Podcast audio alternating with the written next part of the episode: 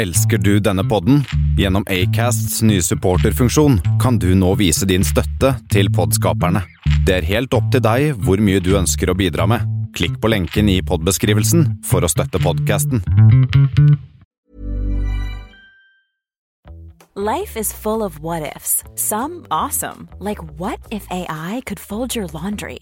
And some, well, less awesome, like what if you have unexpected medical costs?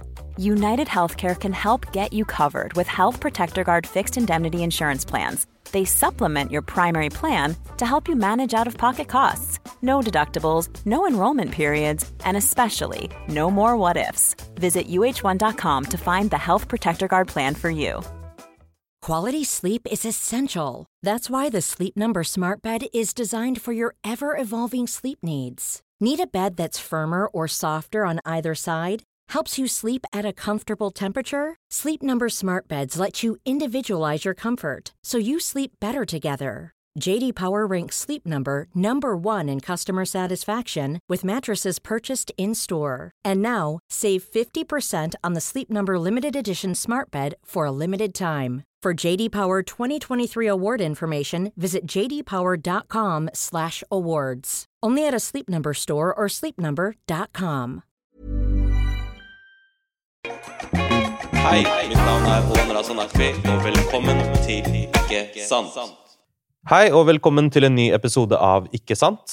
Eh, mitt navn som alltid er Ån Razanakvi, og jeg har med meg en gjest som eh, stadig søker etter sannheten, eh, er ute og opplyser folket. Kjent som fysiker og programleder. Eh, velkommen, Andreas Wahl. Tusen takk. Jeg er veldig glad for at du er her. Det er hyggelig. Ja. Eh, jeg er veldig stor fan av Folkeopplysningen. Og eh, det siste jeg så av Folkeopplysningen, det var episoden om eksperter. Ja. Og jeg syns det var utrolig fascinerende. Uh, ting dere legger fram i denne episoden, som blant annet handler om at vi velger veldig få eksperter til å snakke om veldig mye som de kanskje ikke engang er eksperter på. Ja. Um, Og så har du invitert meg hit som en eller annen Jeg vet ikke om jeg er ekspert akkurat, men egentlig så har jeg invitert deg hit som I, i hodet mitt så er jo du journalist. Ja. Eh, du, du, er, du er en person som gjør det journalistikkens eh, kjerne skal være. Ja. Ikke sant? Og det er, veldig, å- det er hyggelig og veldig interessant. Fordi jeg er jo ikke utdanna journalist. Nei. Ser vel heller ikke på meg selv som altså Jeg har skjønt at, at rollen min i Folkeopplysningen er en litt sånn journalistisk rolle. Mm. Men, eh, men se, i den grad vi driver, vi driver med journalistikk i Folkeopplysningen, så har jeg med meg veldig mye flinke folk. da.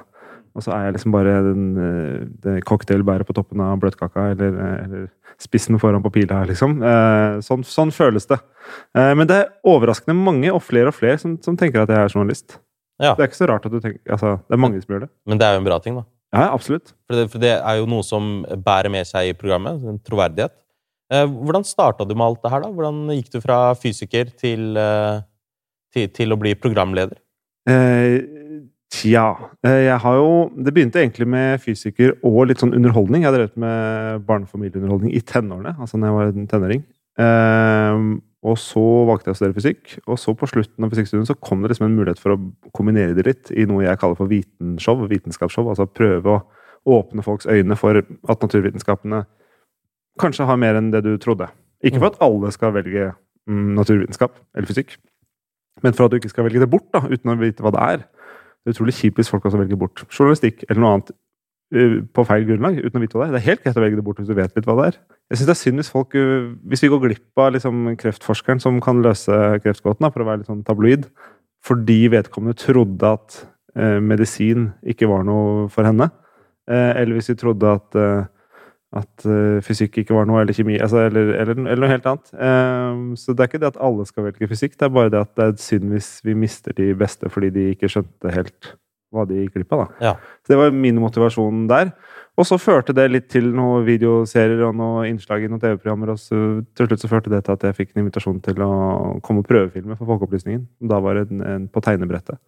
Og så fikk jeg jobben. Og så ble det Folkeopplysningen. Vi lever jo i en tid hvor eh, på en måte naturfag, for meg i hvert fall eh, og, og Det har jo mest med astronomi å gjøre, da. Ikke sant? Og det har med sånn type karakterer Du har sånn Neil deGrasse Tyson, som er liksom sånn Jeg tror sånn sikkert på toppen av Oi, toppen av rangstigen når det gjelder eh, vitenshow, som du kaller det. Ja. Så har jo disse tingene blitt lagt fram som noe faktisk interessant. Det var ikke helt det naturfagslæreren min klarte, liksom evna å, å, å gjøre. Nei. Og all kjærlighet til henne, for den saks skyld. Men, men, men det var liksom ikke en sånn type ting som fascinerte meg, for det var ikke noe som trigga eh, liksom, nysgjerrigheten i meg. Nei. Det Det, og det tror jeg jo ikke Det synes jeg er litt sånn for På en måte er det litt urettferdig å tenke at naturfaglærere skal gjøre det. Eh, Ok, ja. klare det. Um, jeg tror ikke jeg ville gjort det hvis jeg var lærer og skulle stå i klasserommet hver eneste dag. Hadde klart å liksom levere på, på å lage show hver dag, hvis du skjønner. Eller lage Nei. noe uh, Neil deGrasse Tyson-ish. Uh, men jeg syns jo mange lærere kan strekke seg lenger i, i, den, i den retning. Så, så jeg ser mer på det som at um, folk eh, som har lyst til å bli fotballspiller, de vet jo det de ser på TV av de eh, kule lagene i verden Du hører nå at jeg ikke er så fotballinteressert, men, men uh, de opplever noe annet på trening. Det er ikke det samme. ikke sant? Du har et sånn id- idoliserende bilde. Du får de servert godbitene, skåringene, eh, i highlights Ja. eh, når du ser og drømmer. Og så er jo hverdagen også for i naturvitenskapen kan jo være dørgende kjedelig og monoton og eh, annerledes. Så det, det har liksom hele spekteret, da. Mm. Det er litt som bakprogrammer. da, ikke sant? De, de, du sitter ikke og venter på at jæren skal heve seg på TV. Det, det er Den kjedelige delen av prosessen. Det utelater vi. Vi juksa og bare hoppa rett til moroa. Ja, ikke Ja, sant? ja. Og, og, og inni det så, så tror jeg at liksom, man kan dra inn litt For at jeg er enig i at liksom, ja, en naturfagslærer skal ikke hver eneste dag gå ut og lage show. Men jeg tenker at et av kriteriene for, for, for sånn, lærere burde være sånn Jeg vet ikke. Du må evne å inspirere på et eller annet vis. ikke sant? For jeg hadde jo samfunnsfaglærere, og jeg jobba mer innenfor samfunn og media og de tingene her, eh, så, som klarte å gjøre det. Mm. Eh, men så var det andre som ikke. Og til den episoden om eksperter, da, Mm. så legger man jo merke til at, sånn som de sier i programmet også, narrativet vinner jo nesten over kompetanse. Ja. Hvis du klarer å si de rette tingene. Mm. Eh, Er det én ting media kan, så er det jo å, pirke i å få folk til å ville gå til debatt og være, snakke om noe på internett. Ja. Hvordan Og jeg, og jeg har hatt lærere som har vært kjempehøyt utdanna, men ikke Ja. hatt så gode evner i formidlingsevner, mm, eh, mot en lærer som ikke hadde så mye utdanning i det faget eh, vedkommende underviste i, men som var kjempedyktig formidler. Og på et lavt nivå så er det ikke noen tvil om hva jeg ønsker meg selv som elev. Da. Jeg ønsker den for- fantastiske formidleren som kan litt. Eh, men da går vi kanskje også altså I andre deler av samfunnet så går vi glipp av noe. Eksempel når vi bruker eksperter, så, så er det veldig fristende for en redaksjon eller journalist å gå til den samme vante som du vet leverer one-liners, som du vet kan brukes, som alltid svarer, som stiller opp. Det, det, det, terskelen er så utrolig mye lavere, da. Og så kan det hende at, eh, at hun eller han eh, særingen som kan mest, ikke er så flink til å formidle, men egentlig er flinkere til å vise nyansene eh, og gi oss bedre forståelse. Jeg er enig i det at liksom sånn, den, den som er flinkest til å prate, er den som på en måte seirer over. Og jeg tror litt av premisset til retorikken også er det samme. at liksom, Det er ikke nødvendigvis den som har rett, men den som snakker best, Ja. som kommer til å vinne debatten. Ja. Sånn tror jeg det er ofte, og det er ikke så unaturlig, og det er ikke alltid så dumt. Men det kan hende vi no, av og til taper noe på veien, da. Selvfølgelig. Jeg tror vi taper mye på veien. Ja. Og prosessen, hvorfor lagde dere episoden om eksperter til å starte med? Hvor kom behovet fra? Mm, eh, Akkurat denne episoden er jo litt interessant fordi vi selv eh, intervjuer eksperter og henter inn eksperter. Så vi, eh, Og så er det jo fordi vi i, da hadde en, en psykolog i redaksjonen som heter Jan Ole Hesselberg, som er spesielt opptatt av hvordan vi eh, beslutter og velger å, å gjøre ting. eh, Som da hadde mm, oppdaget denne veldig artige forskningen til en amerikansk eh, professor som da, som da så at det var ikke det var ikke de ekspertene som ble brukt mest, som hadde mest rett. snarere tvert imot. Og som han har funnet ut gjennom en ganske artig konstruert, eller godt, kløktig mm, konstruert eksperiment. da. For du må, du må jo ta litt sånne håndfaste eh, påstander. Um, så, så det hadde vi lyst til å, å vise til folk, og kanskje også litt liksom Riste litt i mediebransjen og si sånn Det, det er ikke alltid eh, Ja, tenk litt over hvem vi bruker som kilder, da. Ja. Jeg håper at det har en effekt på, på mediebransjen. da. Ja, det, det er lov til å håpe. Ja, for sånn som, som journalist selv så har jeg lagt merke til at liksom, ting skal gå fortere og fortere. Du har dårlig, dårlig tid. Så, og, og det tror jeg eh, bidrar til at denne Ta den eksperten du er vant til å ta. Jeg tror at det bare forsterkes enda mer på grunn av nettopp det. Eh, jeg- tror at eh, selv om ikke noe skal inn i trykken, så skal internett gå raskere. Det er liksom stedets natur. Og så er det ikke så unaturlig altså Jeg syns det er menneskelig, og jeg, jeg er overbevist om at vi gjør dette her i, at vi faller i denne fella selv, i Folkeopplysningen og andre, og jeg faller i denne fella som, som privatperson også. Vi velger jo de folka vi kjenner. Hvis jeg skal fikse bilen min, så går jeg jo til han jeg, eller hun jeg kjenner. Og, altså det, hvis jeg skal fikse telefonen min, så er det tryggere å gå til den personen du som bytta batteriet sist, mot enn å gå til en, en ny en. Fordi, fordi du, det funka sist. Det er veldig naturlig, og det er ikke alltid så dumt heller. Men når du er journalist eller et mediehus, så tar du valg som angår altså det, det påvirker ganske mange, da. Hvis du alltid går til de samme kildene, eller ikke tenker så nøye gjennom hvem er det jeg burde snakke med her, så plutselig angår det jo alle seerne eller leserne eller lytterne dine i tillegg, og da hviler du litt større ansvar. Klart det gjør. Og, og det jeg var mest overraska over i episoden, er at dere snakker om Fordi jeg hadde glemt, eller jeg kan ikke huske Jeg husker ikke hvilket årstall det var igjen, da Helge Lurås var uh, en, en, vanlig gjest og ekspert. Ja. Hvilket årstall var det, cirka? Nei, det Det husker jeg ikke eksakt, men si det var 10-15 år siden. da. 10-15 år siden. Ja. Og da tror jeg ikke at jeg var jeg, Hvor gammel var jeg da? 16-17 år. Så jeg fulgte jo ikke like mye med på den tida. Og jeg kan ikke huske Jeg visste jo ikke det her. Jeg, det var jo sjokk for meg når jeg så uh, denne episoden. Ja. Uh, at det bare Å ja! Var han det? Ja, mye, Er- mye brukt uh, ja, kommentator-ekspert i, i alle mediehus, egentlig. Ja, Det var en sånn origin story for the bad guy i Marvel-film for meg. Og å se, å se på det her, bare sånn, ah, ok, Mm. Det er der det kom fra. Det er sånn det skjedde. Ja. Uh, som jeg syns er ganske utrolig. Brukte han noen vanlige, vanlige um, triks, og man kan diskutere hvor bevisst det var, da, men det å eksempel å opprette et institutt, som han hadde gjort, uh, det så jeg senest på vei hit til studio i dag, at det var noen som kalte seg for et eller annet institutt uh, her rett rundt hjørnet. Som jeg tenker, Det kan hende at det er helt uh, legit, men ofte så um, Hvis ikke du tilhører noen større organisasjon, så, så altså det, er, det er fritt fram å kalle seg for et institutt. Du kan opprette et annet institutt for for podkaster eller et eller annet. Og du kan sikkert eh, også få med deg en del unge mennesker som tenker Oi, dæven, et institutt for å lage pod? Det, det, det er det jeg har lyst til å drive med. Da jeg melder meg på kurs, eller jeg tar utdanning her, eller, eller lytter til denne personen. Hvis det er din plattform. Eh, det er jo det, Vi har lagd programmer om alternativbransjen også, vi bruker det masse. Og det å opprette institutter det høres plutselig ut som du, du får med deg en veldig autoritet. da. Eh, Og, Helge Lurås kommer jo da også fra et institutt. Først eh, et, eh, et, hva skal jeg si for noe, et offentlig, etter hvert sitt eget institutt. Mm. Ja. Så det er veien. Det er i hvert fall én måte. Ja, det, det, det er overraskende hvor mye du får med deg mm, på veien da, da. Faen, kanskje hvis den podkasten her ikke går så bra, at det er bare det jeg skal gjøre. Og, og så blir jeg bare intervjua i masse medier om podcaster. Ja. Fordi at jeg, jeg har et institutt for podkast, så kan jeg lære meg alle nøkkeltallene. Og så skal jeg bare gå ut og si at jeg er en ekspert. Jeg syns det, det er sjokkerende. Jeg syns det nesten er litt skummelt. Jeg.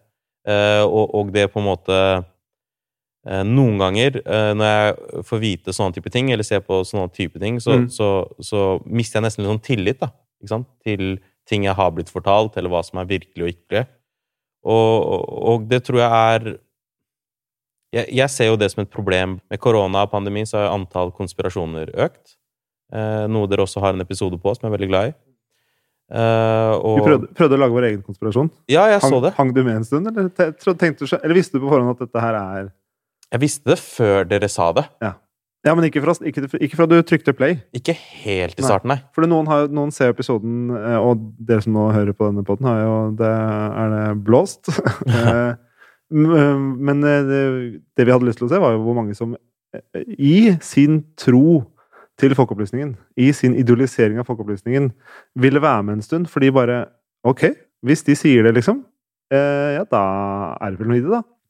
Og se hvor langt du kunne eh, strekke den strikken hadde vi litt lyst til. Og så blir det jo mer og mer koko etter hvert, så de aller fleste faller jo av på et eller annet tidspunkt. Ja. Men det jeg syns har vært gøy i etterkant, er at det er mange som har hatt den derre Shit, hva, hva er det som egentlig styrer Jeg, jeg, jeg, jeg trodde på den uh, sjuke historien her ganske lenge, fordi det var dere som fortalte den. Eh, hva sier det om hvor jeg henter min informasjon fra? Og hvordan jeg velger mine sannheter eller, eller fasiter eller, eller Ja, i livet. At, eh, hvor er det jeg merka det, da? Jeg, jeg tror jeg merka det rundt eh, Jeg tror rundt den første telefonsamtalen du tok, og så har ingen av statsrådene er ledig. Det er, sånn, det er litt sånn rart måte å prøve å booke et intervju på. Eh, og så tenkte jeg sånn Er det lenge siden jeg har sett på det? Ja. Ikke sant? For jeg gikk glipp av noen episoder her og der. Ja. Og så tenkte jeg sånn hva er det som har skjedd? Ja. Og så gikk det videre, og så skjønte jeg at ok, vet du hva, det her, her er det det her er valgepisoden på nytt, på en måte. Eh, ish, på en måte. Uh, at du Jeg liker at dere har uh, Det var i samme sesongen. Der vi i all, det var fire episoder der hvor vi, hvor vi prøvde å, å Hva skal jeg si for noe? Vi var for første gang litt aktiv, aktiv part. Vi prøvde å fucke litt med samfunnet for å sette på spissen og fucke litt med huet ditt som ser på. Mens, mens vi både før og nå etter er tilbake til en litt mer sånn eh, tradisjonell folkeopplysningsstil. Vi tok et sånn steg til side og lagde noe litt annet, i, i, både i valget på Lillestrøm og i denne kon, eh, konspirasjonsepisoden også. mm. Um, jeg syns jo konspirasjoner kan være veldig gøy, og så syns jeg det er veldig interessant hva som gjør at Altså Sånn som du da tenkte en stund Stemmer dette, stemmer det ikke? En stund jeg har sett på dette programmet. Kan, det, hva, hva, hva skjer her? Så har man denne limbo-situasjonen hvor du er liksom eh, Hold an litt, hva, hvor du er usikker. Og så kanskje du lander på at ok, det her må være bullshit etter hvert, fordi det blir for uh, sjukt. Men jeg, jeg syns den Kanskje spesielt den limboen-fasen her er veldig interessant. Det er ofte der man trenger den kritiske sansen sin, da. Jeg la ut noe fjas på Instagram her uh, i helga. Um, og ja, som um, Jeg fant en post på nettet som var veldig gøy, med noen som mente at det å uh, bleike Nei, ikke bleike, unnskyld. Sole rumpehullet sitt uh, skulle gi dem ekstra energi. Og, og, bedre søvn og bedre hell og lykke i uh, livet og i samlivet og i sjekking og liksom tiltrekke seg de rette folka og masse greier. Bare ved å, bare ved å legge seg på ryggen, spre beina og, og, mot sola i 30 sekunder hver dag. Og dette tulla jeg litt med, jeg tok et bilde sjøl og sånn. Og jeg trodde at alle mine følgere kom til å skjønne at det her var kødd. Men så er det en liten gjeng da, som tenker bare å ja, ha, dette skal vi også begynne å prøve. Hvis han der Andreas gjør det, så, så er det noe i det. Og jeg syns det er litt vanskelig, vanskelig og spennende. Eh, og så har jeg latt det Jeg har ikke vært så tydelig fordi jeg tenker at om noen skulle gjøre det her, så er det relativt ufarlig. Hvis du driver med noen annen type behandling, eller går, altså du dropper å gå til å oppsøke kreftbehandling fordi du tror at disse aprikoskjernene skal hjelpe deg, liksom, det er alvorlig. Når folk eh, legger seg ned og, og får litt sol eh, i underlivet, det er ikke Det er ikke så farlig. det er liksom ikke så farlig. Men, eh, men det er det samme greien der, da. At, at, at eh, jeg har med meg en liten autoritet da, gjennom å ha lagt folkeopplysning og sånn, og, og den autoriteten kan forvirre folk og villede folk. Absolutt. Jeg, jeg tror det følger med, og jeg tror at det er en sånn type makt som gjør folk litt gale. Jeg har sett det med noen samfunnsdebattanter i disse dager, og jeg tror at det er liksom disse eh, Facebooks eh, disse sosiale medier-algoritmene som, som eh, setter deg i en boble, og så forblir du i den boblen. Eh, spesielt nå med pandemien. Ja. Og vaksine er jo liksom den, den store, store tingen som folk er usikre på. Og det henger sammen med at form kanskje er viktigere enn fakta. Eh, og jeg tror det har alltid eksistert. Jeg tror at hvis det i, i, For veldig lenge siden, hvis det kom en, en eh, sjaman eller en historieforteller rundt bålet og fortalte på overbevisende vis, så trodde du på eh, historier om, om eh, guder eller eh, andre folk eller kriger eller altså, sånne ting, eh, fordi de var overbevisende. Eh, men da hadde jo liksom begrensa spredning. Mens nå hvis du er en dyktig historieforteller og, og sprer eh, usannheter om eh, vaksine eller korona eller, eller noe helt annet, så kan du få bein å gå på pga. internett og YouTube og, og disse tingene. Og så kan det spres til veldig mange. Og da er formen viktigere. Det å få med seg folk. Hvis du er god på det, så, så trumfer det mm, faktaene, da. Jeg hater at det er et av narrativene i det der er at du skal eh, være utelukkende kritisk mot etablerte medier eller etablerte liksom, steder. da. Ja. Eh, så på den ene siden skal du være helt kildekritisk, men på meg og jeg som har lagd denne videoen, du må tro på meg. ikke sant? Så det er sånn, Hva om jeg er like kritisk til deg? Eh, Det var jo disse folkene som gikk rundt og sa at hvis du har på deg masker, så forgifter du deg selv med, med, med, med din egen pust. Ja. Hvordan er dette mulig at det skal skje? Liksom? De har brukt masker i Japan i over et tiår nå. Hva er det du snakker om? Er de forgifta, da? Så var det en annen bekymring. Det var eh, Hva med 5G-tårnet, da? Hva, hva med 5G-tårnet? Eh, hver gang det kommer et 5G-tårn, så øker antall koronasmitte der. Ja, det er ganske, Av og til kan det være enkelt. Men så kan det jo til og med være at det i Norge stemmer da, at der hvor det er flere 5G-tårn, der er det også flere koronasmitta. Og da er det jo det er et sånn, um, å skille mellom eh, korrelasjon og kausalitet. Altså om ting varierer sammen, eller om, de, eh, om det ene eh, skyldes det andre. Fordi det at det er det, det, Jeg kan tenke meg at det kan stemme at det er flere koronasmitta der hvor det er flere 5G-tårn. Rett og slett fordi det bor flere folk der det er flere 5G-tårn. Ja. Og der det bor flere folk, så er det også flere som blir smitta. Så da, da, da kortslutter man litt. Ikke sant? Man, Se på disse tingene her. Se på antallet eh, personer som bor i kommunen. Eh, eh, eller se på antall 5G-tårn og antall personer som er koronasmitta, og, så- og så ser det ut som det stemmer. Og de, og de fleste kan bli ganske overbevist over sånne statistikker. Eh, og det brukes jo også flittig. Jeg kan eh, ha en anbefaling. Kan jeg komme med en anbefaling? Ja. Det er en gøy nettside som heter Tyler Tylervigen.com. Ja. Det er en fyr som samler på nettopp sånne samvariasjoner. Ting som varierer sammen, men som åpenbart ikke har noe. Altså, du kan se at antall personer som har eh, blitt kvalt i sitt eget sengetøy, ha, eh, er helt likt som eh, ostekonsumet i Irland. Ja. Og så skjønner jo alle at det er ikke ostekonsumet som gjør at flere folk eh, blir ja, kvalt av sengetøyet sitt, men, men, men det, ser jo, det ser veldig sånn ut. Ja. Men gjennom å bare scrolle gjennom sånne morsomme, så skjønner man det at noe eh, tilsynelatende varierer sammen, betyr trenger ikke å bety at det har noe med hverandre å gjøre. Nei, ikke sant? Verden er komplisert for, eh, for, for de som tenker litt sånn i så fall. Eller, liksom, Ja. målet er vel kanskje forenkling. ikke sant? Når, når folk prøver å putte ting i en kategori i en bås, prøver de bare å forstå verden bedre. Og jeg tror at denne tiden, hvor det har vært så mye usikkerhet, så er det liksom naturlig vei inn. Det her er liksom glorietiden til konspirasjonsteoretikere. Ja. For, for er det noen gang du skal stille spørsmål til alt, så er det vel nå. ikke sant? Hvor noe så usannsynlig Ja. veldig mange skjer. Ja. En pandemi i verden. Ja. Og det er liksom, som sagt, litt av grunnen til at jeg, jeg lager det her. Sant? Det er å nyansere de tingene som jeg føler krever nyanse, og så er det ting som jeg selv lurer på. Mm. Ehm, jeg, jeg håper jo på å kunne møte noen som kan forklare meg hvorfor byggeprosjekter tar så jævla lang tid i Oslo. Ja. Jeg antar at det er et godt svar til det. Det må jo være det. ikke sant? At det er noe rør under bakken, og det er derfor. eh, at det er trikkeskinner. Det tar så lang tid.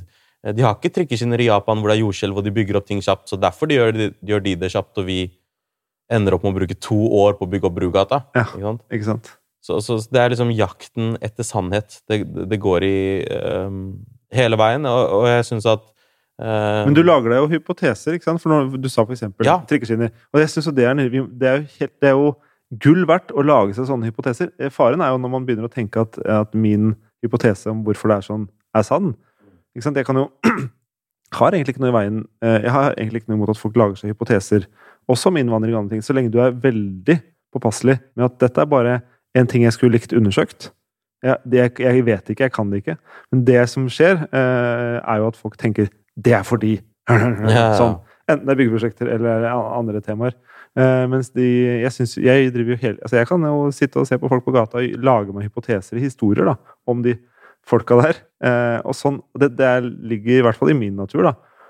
Men jeg prøver å være veldig bevisst at det er jo eh, min, min forutinntatthet. Det er jo min Det er jeg som tenker at eh, at eh, hun moren der har litt mye å stri med med de to barna, og det ser ut som hun uh, kunne trengt en liten ferie. altså, Jeg vet ikke, dårlig historie. Men, men, men man lager seg historier hele tiden. Ja. Men å være bevisst hva som er sant, og hva som bare er en eller annen uh, fabulering, og hvordan det uh, kanskje er, da.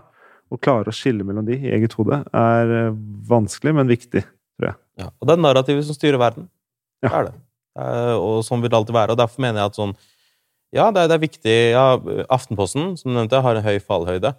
Eh, Men kanskje andre også trenger å burde ha det. For vi lever jo nå i en tid hvor, hvor på en måte én person kan ha flere lesere. Ja. Som ikke er verken journalist eller noe som helst. Som kan det å spre informasjon. Ha en kjempemakt i det. Kjempemakt i det. Som har flere lesere enn TV 2 ikke sant? eller NRK, eller liksom alle de stedene til sammen. Eh, og spørsmålet er hvordan man kontrollerer det. Og jeg tror jo bare at man må løfte stemmer, og at ting som folkeopplysningen må finnes for, for å utfordre de tingene. Eh, hvordan velger dere temaer til hva dere vil sette, sette på dagsorden? Um, det er jo en blanding av mange faktorer. Vi har etter hvert en liste. Mange som sender inn forslag, og sånn, og det er helt supert. Mye som går igjen, da. Eh, veldig mange som vil at vi skal ta for oss hifi-kabler. Fordi du kan kjøpe hifi-kabler, sånne lydkabler med gull og platinum og diverse til masse masse penger. Og så Er det ikke sånn er det litt, er det litt, tvilsomt hvor, hvor enormt mye bedre lyden blir, da. Hvis du kjøper kabler til, til 32 000, enn om du kjøper de til 200 på Klasse Olsson.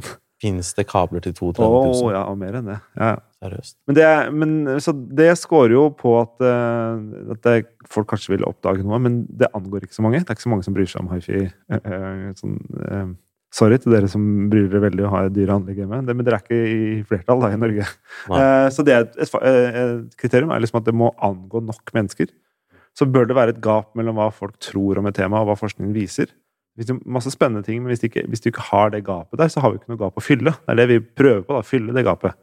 Hvis folk tror noe Eh, om eh, cannabis, eksempel, som jeg vet du har sett. Så da, da, da, ser vi at den forskningen her eh, viser vel noe litt annet enn det som er den gjengse oppfatningen i samfunnet. Ja, det er spennende. Angår det nok mennesker? Ja, det skåret ikke så høyt, for det, det er ikke alle eh, nordmenn bryr seg ikke om cannabis. Mens nå som vi lager program om tannleger, tenker det, det angår alle. Alle har vært hos tannlegen en gang. Så sånne type kriterier Noen temaer scorer litt høyere og litt lavere på de, på de eh, tingene. Så, så, allment, og dette gapet, at vi må ha litt sånn solid forskning i bånn. Vi må ha noe forskning å, å, støtte oss til, eller ja, ta utgangspunkt i. Hvor lang tid bruker dere på hver episode? Hvor lang tid tar det å lage dette? Det er en redaksjon, veldig dyktig redaksjon, som sitter og gjør research og skriver et utkast til manus før vi begynner opptak, bare for å ha noe altså, hører, mange, mange, reagerer og syns det er rart at vi har lagd et manus før vi har vært og snakket med, med folka, liksom. Med ekspertene, eller men det er jo for å ha et utgangspunkt, for ellers vet vi ikke hvor vi skal starte. hva vi skal gjøre. Så vi lager et utkast, og, og, og har jo snakket, eh, gjort research-samtaler med, med, en del av kildene og sånn på forhånd, så vi vet sånn cirka hva vi tror de kommer til å svare. Um, og den prosessen før tar vel kanskje et halvt år. Um, for tre-fire stykker. Um, og så går vi i gang med opptak, eh, og det tar kanskje tre-fire måneder. Eh, som vi er midt i nå. Nå lager vi en sesong sju. Og så kommer jo klipping og etterarbeid og alt det greiene der, og lansering og alle folk som blir forbanna eller glad eller et eller annet over programmene. Er det mange som blir forbanna? Uh, det er noen som blir forbanna, er det jo. Ja. Det er det iblant. Men det er vel forskjellig fra episode til episode? og så er det ikke så forståelig. Noen, altså, hvis noen kommer og, og tråkker og søler inn i det du har drevet med hele livet, eh, og sier at det ikke helt er sånn. Hvis du har, du har dyrka sånne mini-chilier i, i vinduskarmen og er en av de beste på å dyrke chili i Norge, liksom, og så kommer vi og sier at nei, vinduskarmen er ikke best, du burde dyrke de på badet, liksom. Ja. Så skjønner jeg jo at på et menneskelig plan at du blir sånn ah! Og, du, og du, du, får lyst til å slå tilbake, på en måte. Eh, ikke, ikke, vold, men du får lyst til å liksom du, ja, jeg, jeg, jeg, jeg, forstår det på veldig mange plan. Men så er det de aller fleste reagerer ganske ok. Det er noe deilig med å støtte seg på forskning og vitenskap, for det er veldig vanskelig å, å, å, å gå på meg eller oss, da. For vi formidler ja, men det er, veld, det er veldig befriende å kunne si men det er ikke jeg som mener det her. Eh, det er forskningen som sier det her. Ikke, hvis du, foreldre som syns at vi ikke skulle fortalt uh, om, om, forskning på cannabis, så er det, det, det, dette, er ikke, dette, er ikke, mitt prosjekt at jeg ønsker at folk skal drive med cannabis. Det er bare vi, det, den, Dette vet forskningen, og, og rusforskere uh, var jo ikke noe overraska. De kjente til det her, men folk vet ikke. Og vi syns det, er nyttig informasjon å få ut. Uh, og da Det gjør at det blir mindre personsjikane, fordi jeg kan ta et steg til siden, og så står forskninga der. Og den er litt sånn vanskeligere å, å, å kritisere eller ta. Den har ikke noen mening, eller den har ikke noe mm. ja. Jeg føler at folk gjør det motsatt noen ganger. At de bare går rett forbi forskningen og sier sånn Ja, men hvordan vet du at det er sant? Hvordan, hva, hva, med den forskningen? Ja. Uh, jeg føler at det er litt sånn Føler du at vi lever i en tid hvor vi følger forskning sånn egentlig? Det spørs jo litt hvilken mm, tidsramme du ser det i. For hvis du sammenligner med liksom, steinaldersamfunn, så er det åpenbart at vi kan jo mye mer. Vi lever lenger og er friskere og behandler hverandre bedre. og alt sånt. Eh, og, selv om folk driver med veldig mye rart, så er ja, på alle mulige målestokker så gjør vi det jo på en måte bedre. Eh, og Hans Rosling, han eh, nå døde svenske professoren, kjempeflink til å vise fram at verden går ikke helt til helvete. Det er, det er, ganske mye som går riktig vei også. Men jeg er jo bekymra over hvor lette vi er å påvirke, som vi tok for oss i valgprogrammet. Hvor ekstremt lett det er å nå inn til folk og rett inn i lomma, rett inn i øynene dine når du ligger der litt, litt sårbar liksom på sengekanten og eh, har garden helt nede. Eh, at det har blitt veldig, veldig lett, da. Og at det er markedskreftene som styrer den, den, prosessen. Ikke fordi de vil vondt, men bare fordi de tjener penger på det. Altså Facebook og Google og, og de her. Um, så det, den biten gjør meg litt, uh, litt bekymra for uh, Hva skal jeg si for noe? Uh, statusen til, til sannhet og forskning og vitenskap. Nå tror ikke jeg egentlig at det er så mange områder det finnes sånn absolutt sannhet på, men vi kan jo prøve å nærme oss den, jeg syns det er veldig interessant å prøve å jakte på å komme nærmere sannheten. Mm. Jeg tror det er mye lettere å finne ut hva som ikke er sant, fremfor hva som er sant. Ja. For eksempel, jeg vet at det ikke er sant at jorda er flat. Mm. Eh, Jeg tror jeg vet. Men hvordan vet du det?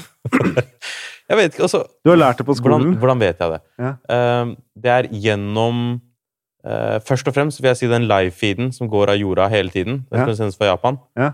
Uh, jeg jeg syns den er ganske overbevisende. Ja. Jeg tror at Men fra en satellitt, da? Fra en satellitt, men jeg tror bare Da stoler, du, da stoler du på de som lager den eh, De som sender den feeden, for den kunne jo sikkert vært dataanimert. Det kunne det, men jeg tror at det er en for stor løgn Ja. for for mange mennesker å holde på.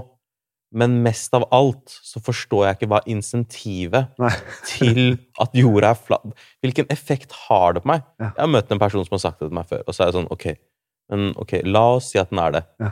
Hva er annerledes? Liksom, hva, liksom, la oss si at alle innser i morgen da, Ja. at ja, jorda er flat. Shit, vi tok feil.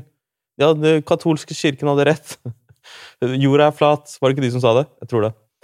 Um, Men hvor, hvorfor skulle folk uh, ljuge om det? Så ja, hvorfor skulle liksom, Hvis du først overbeviser meg om det Ja. Akkurat som vaksiner også. Så sier jeg sånn Kan du overbevise meg om hvorfor et land som Norge ville intensjonelt Ja.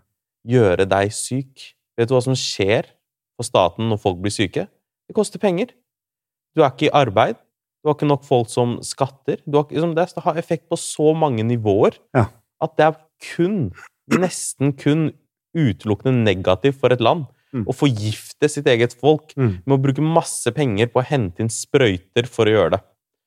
Eh, Og så sier folk ja, men hva om du blir chippa, da, bro? jeg tenk på det. Da har, da, har de, da har de et insentiv, eller da har de noe eh, Da har de et insentiv. Ja. Vel, er det, er mange veier inn til kroppen din. Ja. Og, og, jeg, og jeg tror du allerede er chippa. Liksom, har du hørt om iPhone og Samsung og Google Home og alle de andre tingene som kan lytte til deg hvis de absolutt vil?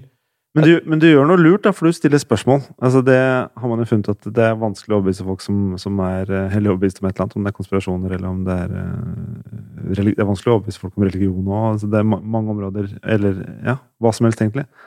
Mm, men det å stille spørsmål, det å være nysgjerrig, er liksom den eneste eh, ja, løsningen som av og til funker. Det er ikke så Men hvis du, hvis du har en, en en eh, tante eller en bestefar som, som tror på konspirasjoner, eller, er, eller har et eh, er rasist, da, eller et eller annet, så, så, så tro, tror jeg ikke det å slå, slå i hodet med forskning funker ikke. Nei. Det å slå dem i trynet med knyttneven kommer heller ikke til å funke. Nei, Men det å faktisk være nysgjerrig og lure på men ok, men ok, så i din verden, hvordan henger det sammen? Ja. Hvordan forklarer du da at Å faktisk lytte, da, og si sånn Hæ, ok, så hos deg så er det sånn at Mm. og faktisk prøve å sette seg i deres sted. For, ikke fordi det, nødvendig, det kan være nyttig for deg òg, men jeg tror jo at det er den eneste måten å nå inn til folk på. Da. Mm. Hvis, hvis de, da kanskje ting faller litt fra hverandre, hvis de får disse spørsmålene folk lurer.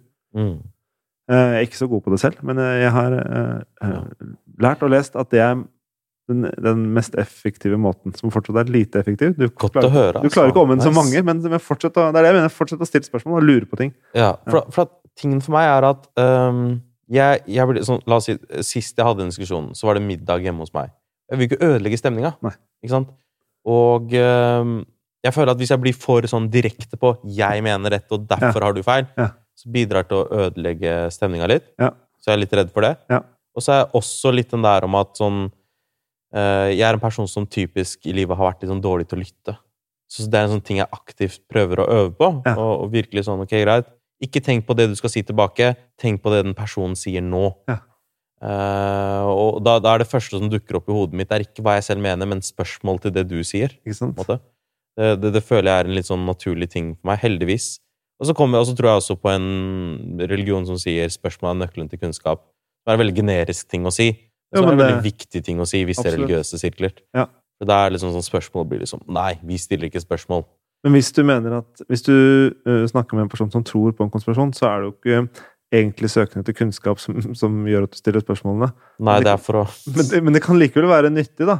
Mm. For den, altså Hvis du prøver å få den personen til å se litt at det ikke henger helt på greip, eksempel, så Mm. tror jeg spørsmål liksom er veien. Mm. Eh, For at jeg har lovet meg selv i løpet av den, eh, i den podcasten her om at noen ganger så kommer jeg til å ha folk her som er uenige med meg. Ja. Eh, Og jeg skal aktivt prøve å finne dem. Ja. Og hvis den personen har et jævla godt poeng, Ja. og jeg blir presentert med ny informasjon, som jeg, som jeg da rekker å prosessere Kanskje jeg gjør det der og da i episoden, kanskje jeg gjør det episoden etter. Mm. Så skal jeg si at jeg skal forandre meningen min. Ja. Jeg mener at, du, jeg mener at du er, det er da du er dum. Når du blir presentert med ny informasjon som, ganske, som er ganske obvious, og du fortsetter å si det du vil si. Ja. Uten, uten at du har hestelapper på. Det betyr ingenting for deg. Nei, nei, nei. Det jeg sier er rett, og det du sier er feil, fordi at jeg har forstått det sånn. Det er, sånn det sånn er ganske er det. krevende, da. Å snu og endre Det er det. Men jeg tror at det må til i vår tid. Vi, altså, er ikke det lov å ha oppdaga noe nytt og lært noe nytt og tenkt at å, det skal ikke jeg gjøre lenger? Skal man ha levd et helt perfekt liv? Er det som er spørsmålet mitt.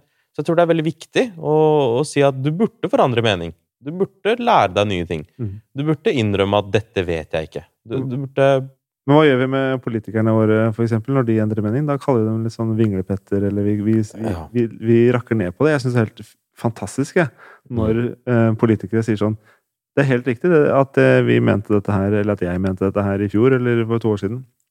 Men nå har vi fått ny kunnskap. Ja, rett Men- før valget så har vi Ja. endra mening. Men likevel så er det regna som dårlig PR-strategi. Det regnet som fordi det ikke funker, da. Men jeg, det du sier, er nå det eh, vakreste jeg vet med vitenskap og forskning. Er at det skjer ikke alltid, for det er mennesker som driver med vitenskap, men det skjer av og til. Det der med at folk At du har drevet med noe hele Altså, eh, moren min, da, for eksempel. Hun forsker på oksygen til for tidlig fødte barn. For i mange år så har man gitt dem rent oksygen, for det er liksom det beste. Hvis du er veldig for tidlig født, bitte, bitte lite nurk som ligger der, så er det lurt å få inn oksygen. Og så var det på et tidspunkt noen som begynte å lure på er det egentlig det beste? Vi andre puster jo ikke rent oksygen. Vi puster jo liksom eh, Ja. 21 eller noe. Og så eh, forsker man selvfølgelig på det. Men tenk deg da å liksom, være eh, overlege på en eh, fødsels, eh, fødeavdeling i Canada, eller, eh, eller Uganda, eller Japan, eller et eller annet sted. Og så får du den nye kunnskapen. Du har hele karrieren din gitt rent oksygen. Du har, du har fortalt alle studentene, alle de, de du har lært opp, har du lært dette her. Og så får du denne nye, solide forskningsrapporten, og så sier du bare OK, da gjør vi det på den måten heretter. For meg er det, det er noe stort. Da. Det er noe som kan gi meg gåsehud når man eh, når det skjer. Og det skjer ikke alltid, igjen, fordi det er mennesker, og, og, og, og det koster mye å liksom si at ok, det jeg har jobbet med halve livet, det, er, det viser seg ikke stemme, eksempel. Men, Ja. men du verden så men du verden så fint det er, da, når det skjer.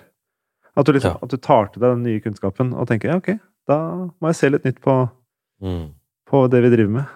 Jeg tror I en podkast hvor ting skal handle om alt, så tror jeg ikke fallhøyden min er like stor på å si at sånn altså, Men igjen, Nei, nei, jeg er ikke fysiker, Nei, så jeg jeg visste syns- ikke bedre. Jeg syns det er Nei, jeg syns det er eh, synes det er fint likevel. At, at man, at, og, og kanskje at vi skal feire det litt mer. Da, applaudere det litt mer når folk i offentlig eller, eller rundt middagsbordet bare tenker ok, ha, ja vel, ja, kanskje jeg må endre mening. Mm. At da, da, da, da man liksom bare Vet du hva, det syns jeg er skikkelig stort og kult av deg. Av erfaring så vet jeg at når folk gjør det der, så er det aldri rundt middagsbordet. De krangler ferdig, de holder seg til sitt, og så går de hjem. Og så hender det at enten så skjer det at de faktisk oppsøker deg og forteller deg at vet du hva, det du sa, det ga mening, nå forstår jeg litt bedre. Eller så går det veldig lang tid, og så møter du på dem eller snakker om det samme igjen, og så bare det du sa den gangen, det hjalp meg å forme meg til, og så har du måttet lage en sånn hybridmening av din og deres, Ja. sånn som, som pleier å fungere. Det er veldig sjelden at folk der og da forandrer mening. Enig. Eh, Jeg tror at det sitter veldig dypt inne, for det handler litt om at vi eh, beveger oss ut og sier at noe er sant. Og også at det, at det er et sånn tap av ansikt. Vi har i, Ja. i kulturen gjort det til en sånn til en sånn sva, et svakhetstegn da, å endre Mm. mening. Mens det, jeg syns det er et styrketegn å endre mening. Hvis du klarer å stå i det og si sånn Vet du hva, jeg var helt sikker på noe annet, men nå har jeg endra mening. Så tenker jeg jo shit. Mm. Det er ganske Du har jo han derre fra Han er på TED også. TED Talks. Eh, han brant seg selv veldig hardt. Ja. Og så måtte de liksom bytte bandasjene på kroppen hans. da, Ja. Over hele kroppen. Ja. Uh, ofte, altså Det de trodde, var at, uh, at, at liksom hvis du starter med det, det som er minst vondt først, og så bygge oppover, at det var best. Ja. Og så når han, var, han opplevde dette, og han prøvde å skrike og si sånn her, at det her er mye verre for meg, men de ville ikke høre, for det er sånn sånn har vi alltid gjort ting. Så han fyren, han, eh, etter å ha vært, gått gjennom denne veldig smertefulle opplevelsen, bestemte seg for å forske på, på smerte. Ja. Og da forsker han faktisk på folk og spør gjør det vondt, gjør det vondt, liksom den type forskning. Og det han finner ut av, er at det er bedre for oss når vi vet at ting blir bedre. Ikke sant? Når vi tenker at nå blir det bare verre, Ja. så krisemaksimerer vi hjernen vår, og da, da bidrar til at vi, vi føler mer smerte også. Men vi tenker at ting blir bedre, Ja. så, så, så er det bedre. Så det han gjør, er at han oppsøker de gamle sykepleierne som, som jobba med han. Og så sier han at 'jeg forstår at dere bare gjorde jobben deres', 'jeg forstår at dere, hadde, dere baserte dere på lærdom som dere har lært på skole og gjennom yrke og gjennom andre eksperter og, uh, i, i deres felt', men, men det er feil. Som, hvis dere vil hjelpe folk som meg, og dere har en pasient som meg igjen, start med det verste først, uh, og så blir det bedre. Så vet personen det. Eh, og, og de begynte jo, helsepersonell begynte jo å gråte. Det var sånn Shit, vi visste ikke at vi kunne gjort smerten din mindre. Ja. Det visste ikke vi. Men selvfølgelig skal vi gjøre det framover. Eh, og det tror jeg var en såpass sterk opplevelse, da. Jeg tror det har vært nesten umulig for dem å gjøre det dagen etter å gå på jobb, Mm. og fortsette med det samme. Ja. Så det har en utrolig effekt. Men jeg Det er nydelig, må Og så hadde det ikke hjulpet hvis han bare sa det. ikke sant? Han måtte rett og slett undersøke det, Mm. og kanskje underbygge det med, noe, med noe, en studie eller noe forskning. eller sånt mm, Um, Ganske utrolig. ja, og da, når du, når du får det presentert sånn, så skjønner du at oi, vi, vi har kanskje ikke gjort det som var minst smertefullt for pasientene. Og da har du kanskje jobba i 15 år i helsevesenet og gjort det som var ikke minst smertefullt, når du kunne gjort det kunne skapt mindre smerte. Men det å da stå rakrygga og bare snu rundt på stedet og bare gå i en annen retning, gjøre noe nytt, det, det syns jeg er kult. Hvordan har det vært med folkeopplysningen og, å ta feil? holdt jeg på å si? Er det Høres ut som jeg bygger opp til noe jeg har funnet Ja, ut av. ja. fått feil. Eh, Men, men er det noe dere har opplevd at dere har tenkt sånn Faen, vet du hva? Vi tok feil i denne episoden.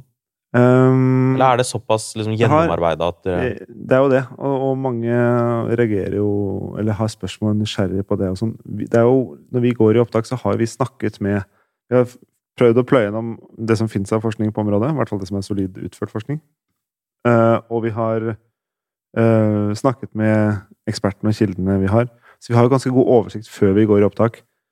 Um, I hvert fall redaksjonen. Og så av og til så holder de faktisk litt tilbake informasjon for at da blir det en mer naturlig samtale med meg når jeg skal snakke med professor ditt eller datt. Fordi jeg ikke vet eh, alt, så kan jeg bli litt overraska på ekte. på. Det blir bedre TV av det. Um, så vi vet jo en del på forhånd.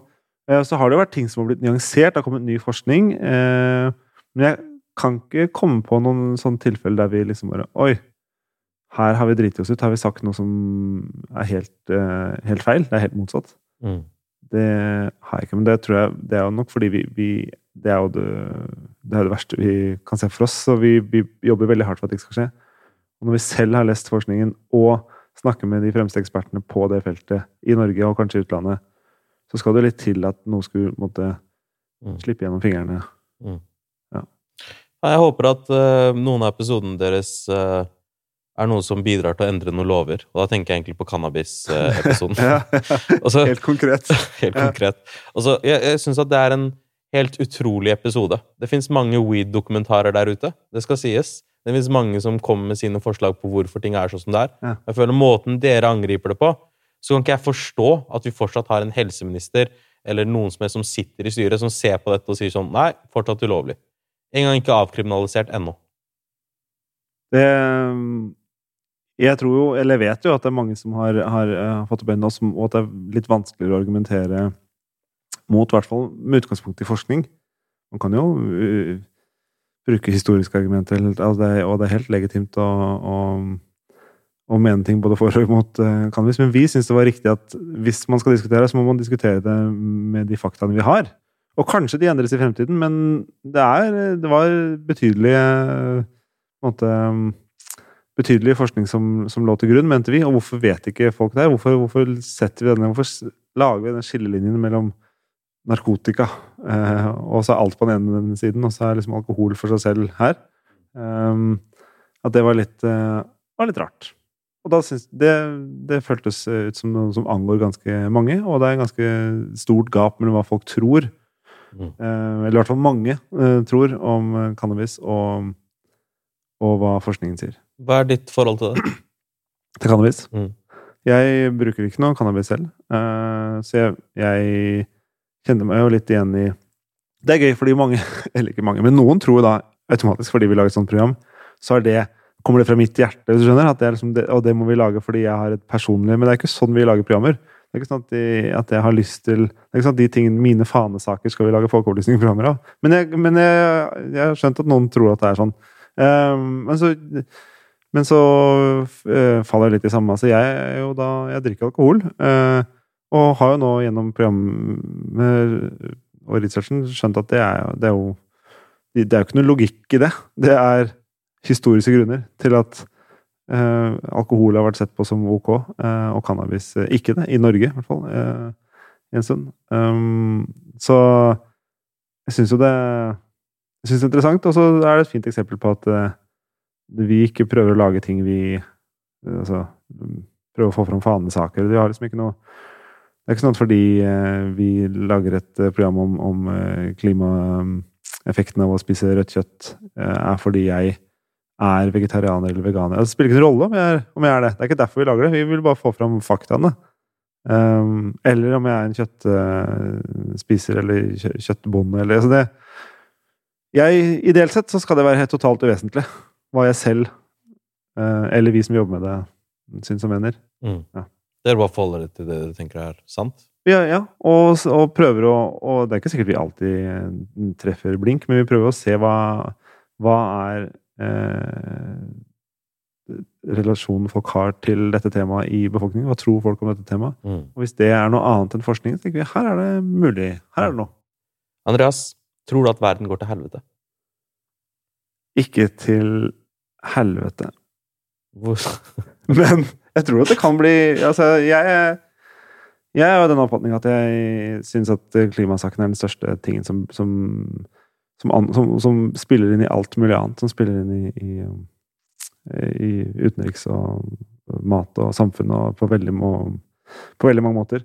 Um, det med informasjonsflyt og sannhet uh, er en kjempeutfordring. Men jeg, der er jeg litt optimist. Tenk at det, det finnes løsninger. Og noen av de store mediegigantene skjønner også etter hvert at de har en ganske sentral rolle der. Men eh, på klimafronten så tror jeg det kommer til å kan bli ganske eh, heftig. Eh, I en episode med Mikkel Abel før denne episoden en gang, mm. så tester jo vi vårt syn på verden. Ja.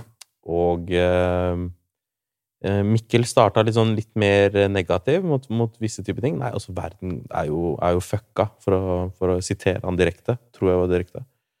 Og Abel var litt mer sånn Ja, men vi har jo gått framover. Se på Black Lives Matter og og eh, så tok vi den testen, og så tok vi jo veldig mye feil iblant. Og vi, vi, vi satt igjen der til slutt og bare sånn Kanskje verden ikke går så veldig mye til helvete. Men, men, så har du plutselig kode rød, og så har du FN som sier ja, nå er det kode rød. Ja. Så, så, man får veldig mye blanda signaler. Veldig. Jeg tror det bare halvparten av tiden. Så tror jeg at verden går til helvete. Jeg er optimist på, på eh, teknologioptimist. Jeg tror at vi kommer til å løse mange utfordringer. Eh, og så er jeg jo menneskelig optimist. At vi, vi, har hele historien prøvd å streve etter det bedre. Og det har vært noen bølgedaler, så det har gått nedover. Eh, så, men så er det denne klimarapporten og, og, og sånn som gjør at jeg er litt Ikke er utelukkende pessimist, da. Posi, eh, positivist. Ja. Positivist? Ja, eller positiv, ja. Optimist heter det. Optimist heter det. Uh, ja, for Når jeg ser denne, dette intervjuet med Anders Anundsen Jeg vet at han ikke er minister lenger, men, mm. men i denne cannabis-episoden så, så, så, begynner jeg å tvile litt mer, selv om forskning og vitenskap finnes der. For tydeligvis så spiller ikke det noe som helst rolle for han. Og i løpet av denne episoden så sender han dere hva da en upublisert masteroppgave. Ja. Uh, og, og, klarer ikke å stille opp med så mye annet. Så noen ganger så lurer jeg på om selv om det er en koderød, selv om det er disse tingene, så vil man kanskje ha folk som fortsetter å si det som står på agendaen til deres partiprogram. Ja. Uh, jeg, jeg, vet ikke om forskning og de tingene, teknologi og de tingene her Om det når inn, liksom? Ja, jeg tror ikke det når inn. Nei. Jeg, tror, jeg tror de i det store bildet ofte gjør det, men at ja. det finnes noen, noen, unntak. Og som ikke Det er jo ikke bra. Mm. Og så tror jeg også det, men, men det, det den, den, scenen er også en lærdom i å, i å innrømme når man ikke helt vet. Det, det, bare, det bare skremmer meg litt. Og, så jeg er optimistisk, akkurat sånn som deg, til teknologi. Jeg tror at det er veien og løsning på. Jeg tror at den ekte klimaaktivismen er i de folkene, de startupene, de folkene som faktisk kommer med faktisk løsninger. Jeg syns dette var en veldig interessant prat. Jeg er veldig glad for at, som sagt, at du tok ut tiden. Jeg vet at du er en eh, opptatt mann som, som sikkert har mange som vil at du skal være steder og snakke med dem. Ja, ikke så mye, men akkurat i dag var det litt sånn uh, småstress. Men det var veldig hyggelig å være og veldig interessant uh, samtale. Mm. Og uh, jeg kommer helt sikkert til å plage deg igjen og si sånn Andreas, jeg har noen nye spørsmål. Du må komme inn nå. Please, bro. Kjør på.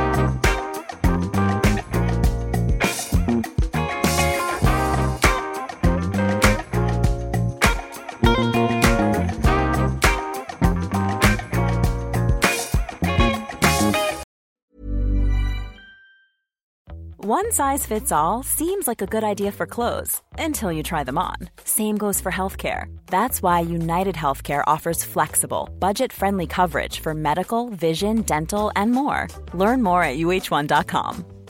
It's that time of the year. Your vacation is coming up.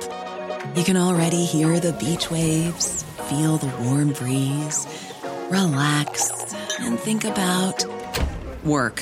You really, really want it all to work out while you're away.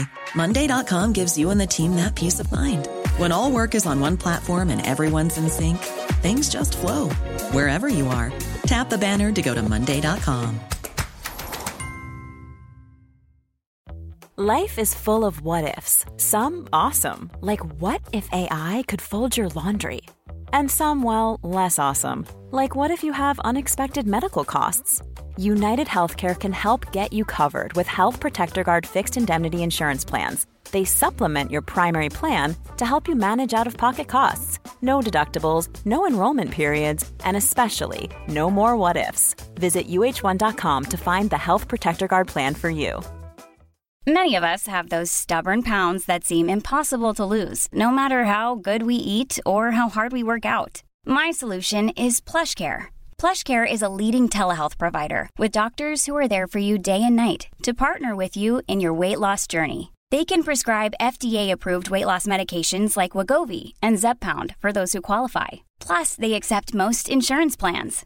To get started, visit plushcare.com slash weight loss. That's plushcare.com slash weight loss.